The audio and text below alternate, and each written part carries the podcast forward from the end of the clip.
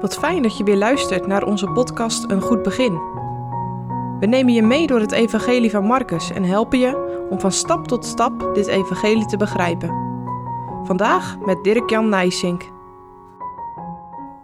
We lezen Marcus 12, vers 35 tot 37. En Jezus antwoordde en zei, lerende in de tempel: Hoe zeggen de schriftgeleerden dat de Christus een zoon van David is? Want David zelf heeft door de Heilige Geest gezegd: De Heere heeft gezegd tot mijn Heere: Zit aan mijn rechterhand, totdat ik uw vijanden zal gezet hebben tot een voetbank uw voeten. David dan zelf noemt hem zijn Heere. En hoe is hij zijn zoon? En de menigte der scharen hoorde hem gaarne, graag.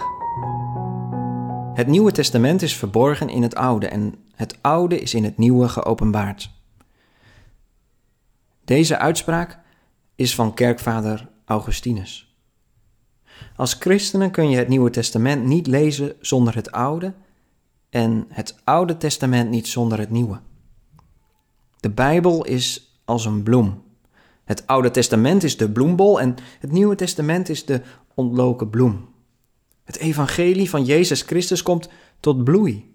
En dat gebeurt zo dat de Bijbel spreekt over de vervulling, het volworden van de profetieën en beloften van God in het Oude Testament.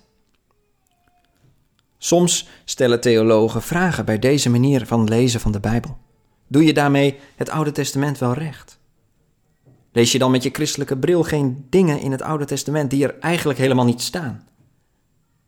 Moeten we niet veel meer luisteren naar de Joodse uitleg van het Oude Testament?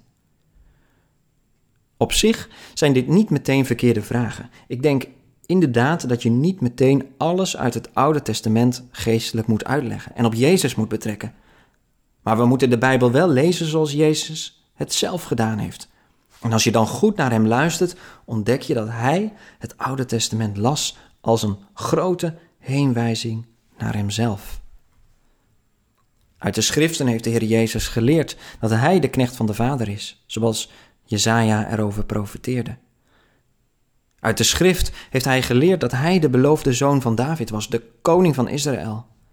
En na zijn opstanding heeft hij de Emmausgangers alles uitgelegd wat er over hem stond geschreven. Wie goed Bijbel leest, ontdekt dat de Heilige Geest al heel veel geopenbaard heeft over Christus.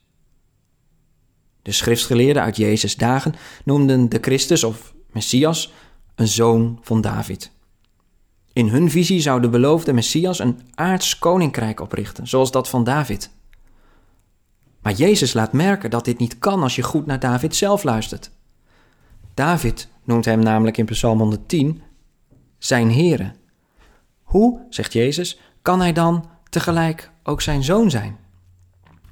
Met deze vraag laat Jezus merken dat de schriftgeleerden een verkeerde opvatting hebben over Christus en daarom Jezus niet zien als de Christus, terwijl hij het wel is. Heel vaak reageert Jezus kritisch naar de schriftgeleerden.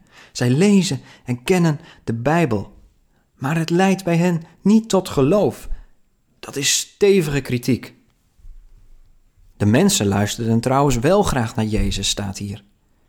En daarmee maakt Marcus het contrast duidelijk tussen de schriftgeleerden en de gewone mensen de trotsheid, de hoogmoed, de theologische oogkleppen. Het verhindert de schriftgeleerden om te geloven. Ik wil dit gedeelte niet uitleggen met een makkelijk inkoppertje, dat kennis altijd een verhindering is om te kunnen geloven. Dat lijkt mij niet de goede uitleg. Wel dat hoogmoed een verhindering is, niet alleen voor jezelf, maar ook voor anderen. In Jezus ontmoeten de mensen een zachtmoedige leraar en dat is een verademing. Zo toont Marcus het karakter van de zaligmaker. Bij hem hoef je niet zoveel te kunnen. Hij vraagt geen ingewikkelde dingen van je. Hij vraagt je hart. Hij vraagt overgave aan hem. Hij wil je eeuwige koning zijn. Jezus is heel scherp. Zijn onderwijs doet pijn, omdat het onze zonde blootlegt. Tegelijk is het ook verzachtend omdat hij zondaren liefdevol leert. Heb jij beide kanten van zijn onderwijs ervaren?